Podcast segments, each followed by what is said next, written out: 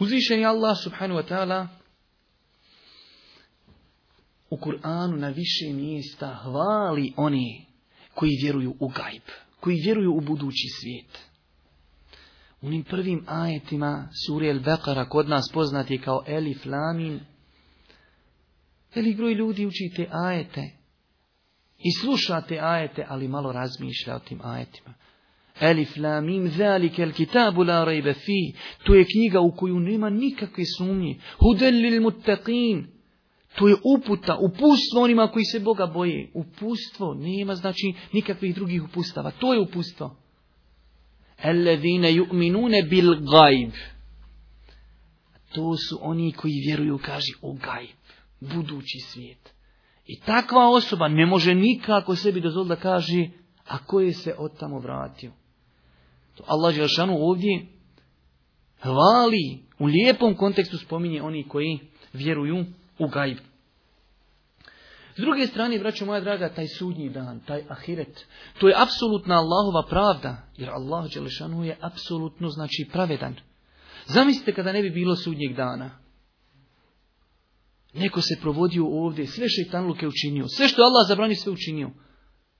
I sutra nema sudnjeg dana. Ili prođe kao onaj koji se pokoravao i koji je svoje strasti čuvao, koji je ustajao na saba, koji je čekao jaciju kasno ljeti, koji je obarao svoj pogled, koji nije gibetio, čuvao svoj jezik, koji je pazio na svoju izranu, halal ili haram. To bi bila nepravda kada bi se izjednačile te dvije skupine. Zato taj dan, sudnji dan, to je dan pravdi. Na dunjalu koje nema. Kao što vidimo. Ali na sudnjem danu. Zato kaže Allah na više mjesta. Ja mislim da zaista oni nevjernici koji uzmu Kur'an i čitaju samo ove ajete, vjerujte da mora u njima nešto proraditi. Kaže uzvišeni Allah u suri, Kalem, efe neđalu muslimine kel muđrimin, malekum kejfe tahkumun Zar mislite da ćemo mi muslimane i oni koji nisu muslimani istim učiniti? Pa šta vam je ljudi? Kaže, kako to rasuđujete? Ma lekum kejfe tahkumun. Kako to vi sudite? Znaš ti kad čafir uzme Kur'an i to pročita? E ovdje kaže, zar mislite da ćemo muslimane? Baš muslimane i oni koji nisu, muđrime, muđrimine. Mislite da će, da oni biti isti? A nisu isti. Nikad. Na Dunjaluku mogu ti prilijepiti etiketu terorista, vehabija, nakav, ovakav. Dobro. Dobro. Ali vidjet ćemo na sudnjem danu. Ma, lekom kejfe tahkumun. Pa šta vam je? Kako to vi rasuđujete? Jer mislite da su isti oni i oni? Pa drugi ajet. Em hasibe alledine čtera u sejijati en neđa'alahum kelledine amenu u amilu seva sevaum mahjahum u ema saema jahkumun. Misli li oni koji zlačini, znači nepokorni zločini, da ćemo s njima postupiti jednako kao sa onima koji vjeruju dobra djela čine, da će im život i smrt biti ista. Kako loše rasuđuju. Zar je moguće da Allah Đešanu isto se ponaša prema onima koji su zločinili i oni koji su dobro činili i vjerovali. I treći ajet. Em nađa'alu amenu amilu salihati kal fil ard. Em l'muttaqine kal Zar ćemo postupiti sa onima koji vjeruju dobra djela čini kao s onima koji pravi nered na zemlji. Svaki vid griješenja, od kojeg je najveći stepen nevjerstvo, a sve mimo toga je, znači, grije, Sve je to, braćo moja draga, pesad na zemlji. Zato Allah Đelšanu kaže, zar ćemo isto se postupati, ponašati i suditi prema onima koji su vjerovali de dobra djela činili i onima koji su mufsidi bili na zemlji, koji su fesad činili i na kraju Zar ćemo isto postupati sa griješnicima i sa onima bogobojaznim od Neće. Tu je Allah subhanu wa ta'ala pravda. Zbog svega spominutog, braćo moja draga, bitno sudnjeg dana može se također primijetiti da su svi poslanici prijašnji veliki akcent davali na pojašnjenje ove tematike sudnjeg dana, a najveći akcent i najveće pojašnjenje je došlo od Allahu poslanika, što je i logično. Zašto? Zato što je on, kazali smo, posljednji poslanik. Ako nam on ne pojasni, ko će nam pojasniti? I druga stvar, on je poslan cijelom čovječanstvu. I on mora da pojasni cijelom čovječanstvu. I zato, zato kažemo, ta tematika je mnogo, znači, zastupljena u kuransko-hadijskim tekstovima. Pogledajte samo, braćo moja draga, a sve je tu ciljano. Jer pogledajte, možda mi ovdje nemamo sa tim problema. Ali ćete možda neko upitati, nećeš znati odgovoriti. A živimo u takvom društvu gdje nam ateizam kuca na vrata baš dobro. Do te mjeri znači da, da je normalno da musliman, pa vjerujte čak čovjek klanja, ide on u džamiju, siroma i kaže ti, ma kakvi. Na koji se do tuda vratio? I to ja nisam nikad čuo od nevjernika koji se deklarišu od mate, od frani. To sam jedino što sam ja čuo, čuo od muslimana, ljudi koji se deklarišu kao muslimani. Koji se, kaže, od tamo vratio. Pogledajte na koliko načina različitih metoda Kur'an dokazuje i pokazuje da će biti sudnji dan i da će ljudi biti proživljeni. Problem je što ljudi ne mogu da shvati da neko bude zakopan u kabur a govorit ćemo ako Bog da sutra malo detaljnije od toga, o tome kako islamski učenjaci gledaju na život u kaboru.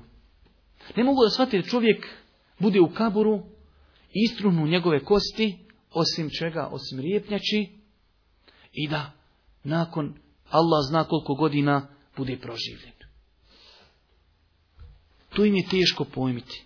Pa Allah Đelešanuhu, znajući da mi sve te stvari gledamo kroz taj neki opitljivi svijet i kroz materiju, na više načina prilazi toj tematici. Prva stvar, uzvišenje Allah, to je najviše za vjernike. Naređuje uzvišeni Allah poslaniku da se zakuni poslanik uzvišenim Allahom da će ljudi biti proživljeni. Ne treba se poslanik zaklisti. Dovoljno je da mu'minu kaže bit ćeš proživljen i gotovo. Ali kada se za nešto zaklijete Boži poslanik, u to više nema nikakve sumnje. Zato kaže uzvišeni Allah, Allah, Zame alladhina keferu en le kul bela wa rabbi. Kaže, nevjernici tvrde da neće biti proživljeni. Reci tako mi gospodara hoćete. Reci poslaniće, tako mi gospodara, zakunim se, hoćete. Le tub'asun, bit ćete proživljeni. Tako mi gospodara vi ćete biti proživljeni. Znači to ko imalo se razumije, u taj način obraćanja, njemu je to dovoljno. Također, jedna činjenica koju Kur'an mnogo puta spominje i mnogo puta je forsira, to je da napominje ko je to čovjeka prvi put stvorio. Pa onda to povezuje sa proživljenjem pa kaže, e onaj koji je te prvi put stvorio, on će te stvoriti drugi put i proživjeti. Jer kod nas ljudi žive po tom ubjeđenju.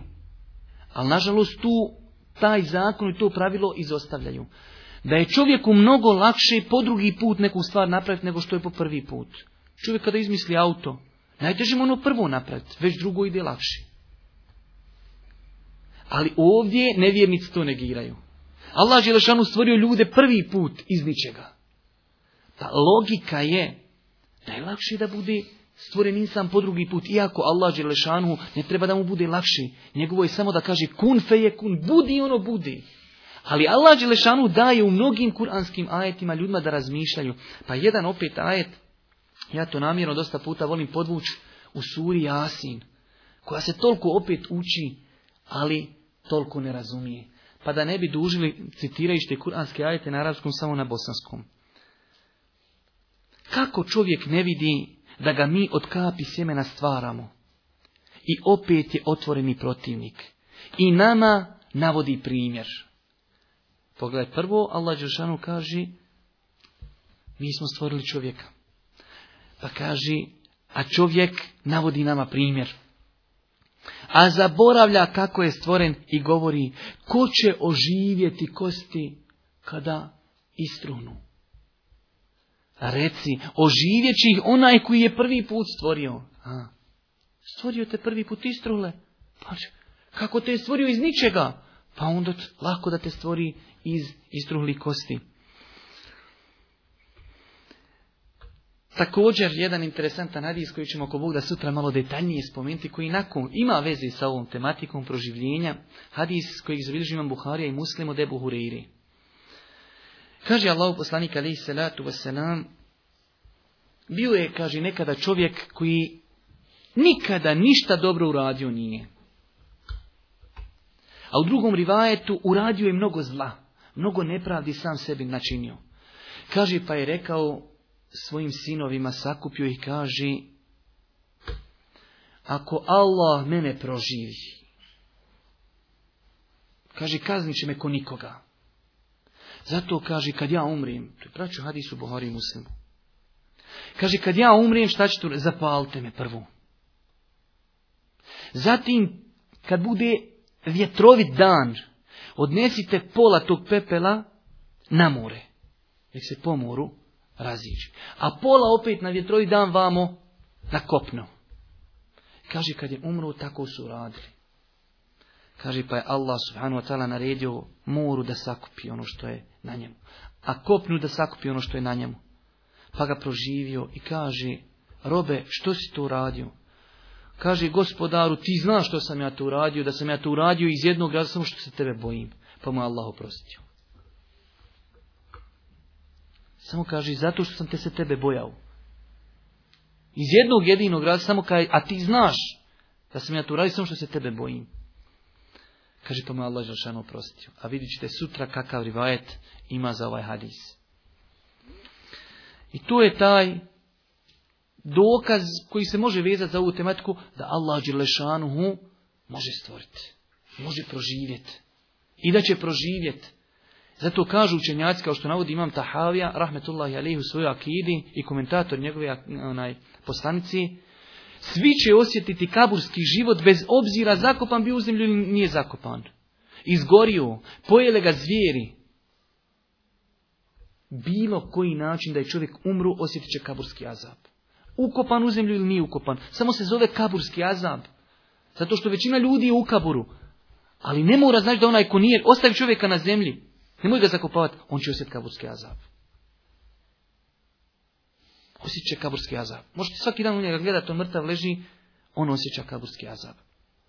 Također, treći način kako Allah Đelešanuhu potvrđuje ljudima i navodi na razmišljanje da će biti proživljen jeste, navodi im primjer mnogo puta u Kur'anu zemlji koja se osuši.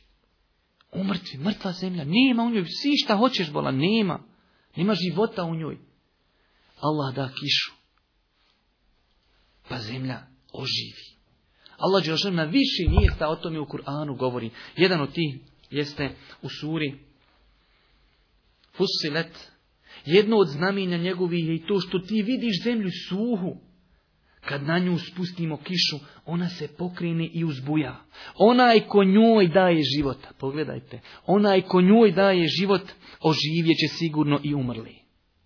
Povezuje dvije. Nije samo rekao oživit će zemlju. I za, ne, oživjeći i umrli, da bi se čovjek postakao na razmišljanje. Jer da je samo rekao će zemlju, čovjek bi rekao, fali nešto. Ali kaže, ne, e, vidiš, će zemlju, e, kaže, on će oživjeti umrli. Također, četvrti metod jeste da Allah Đelešanu ljudima navodi kao primjer stvaranje zemlje i nebesa da bi razmišljali da će biti proživljeni. Jer onaj, ko što kažu neki učenjaci, ovaj, kada govori u tim nekim poglavljima akide, što kaže, ako čovjek može dići 100 kila, pa onda mnogo lakše da igne 10 kila. To je logika naša dunjalučka, to kod Allaha ne važi, ali mi dunjalučki razmišljamo. Ako neko može dići 100 kila, kažemo, pa dobro, sad je upitnik da li ti možeš digni 10 kila. Kako upitnik? Dižem sto kila, sve mi pitaš mogu digni 10 kila. Po Allah Đelešanu može stvoriti zemlja, zemlju, nebesa. Pa je li upitno onda uopšte kako će proživjeti ljude? Allah Đelešanu stvorio zemlju, nebesa, sve ovo što vidimo i onda neko sumnja da li će Allah proživjeti ljude. Da li može proživjeti ljude? Nakon što su njihove kosti istrule. Znači, to nema logike. Zato Allah Đelšanu opet napominje stvaranje zemlje i nebesa, a onda to poprati govorom proživljenja. Pa jedan od tih kuranskih ajete jeste, zar ne znaju da je Allah koji je nebesa i zemlju stvorio i koji nije stvarajući ih iznemogao, kadar da oživi mrtvi. Pogledajte, prvo, zar kaže ne znaju oni. Da Allah, Đelešanu, taj koji je stvorio zemlju, nebesa, i nije se umorio u, u tom stvaranju. Pa zar ne znam da je on kadar doživi mrtvi? Ste vidjeli, svaki ajet popraćen je na kraju govorom da će biti mrtvi proživljeni. Ili kuranski ajed u suri Nazijat, mi učimo mnogi suru Nazijat. E entum ešeddu halkan emisema. Jel teže vas stvoriti nebesa? Allah otvoreno pita. E entum ešeddu halkan emisema. Je li vas teže stvoriti ili nebesa. Šta je teže stvoriti? Benaha, a on je nebesa sazdao i stvorio. I zadnji način, pijeti način, time ćemo ako Bog da završiti, jeste da Allah Đelešanuhu spominje u Kur'anu, kao i Allah u poslaniku Adisima, da su mnoge osobe kroz historiju bile, umrle. Pa je Allah Đelešanu oživio ih da ljudi svate Allahovu moć. Imate u Kur'anu, u suri Bekara više od četiri ili pet mjesta gdje Allah pokazuje i navodi primjere ljudi koji su umrli ili njegovu mogućnost da nekoga oživi i proživi. Pa sjećate se kuranski ajto o Ibrahimu salamu i pticama. Pa slučaj, kao što neki kažu da je to bio salatu a.s. Onaj, kada je prolazio kraj onoga mjesta, uništeno mjesto, kaže, ko će ovo živjeti? Kaže, pa ga je Allah usmrtio, govori iz Kur'anske ajte Bekara. Fa ematehu Allahu am, pa je ga usmrtio sto godina. Krajnje, njega njegova hrana i magarac.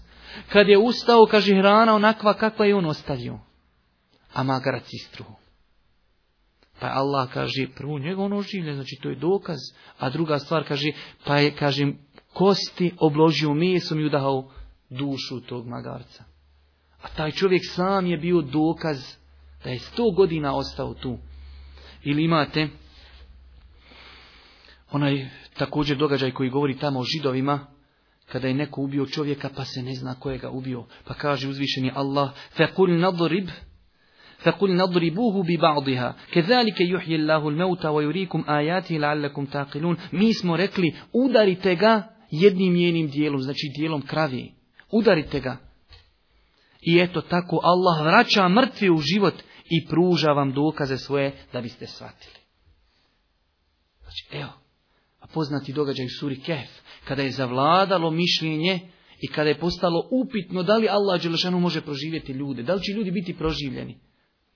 Pa se ti momci nakon 309 godina bude, odnosno oživljeni su ponovno nakon 300 godina, da bi Allah dao dokaz još na Dunjaluku, baš oči dokaz, evo ljudi su toliko bili uspavani, umrtljeni, pa su sada oživjeli.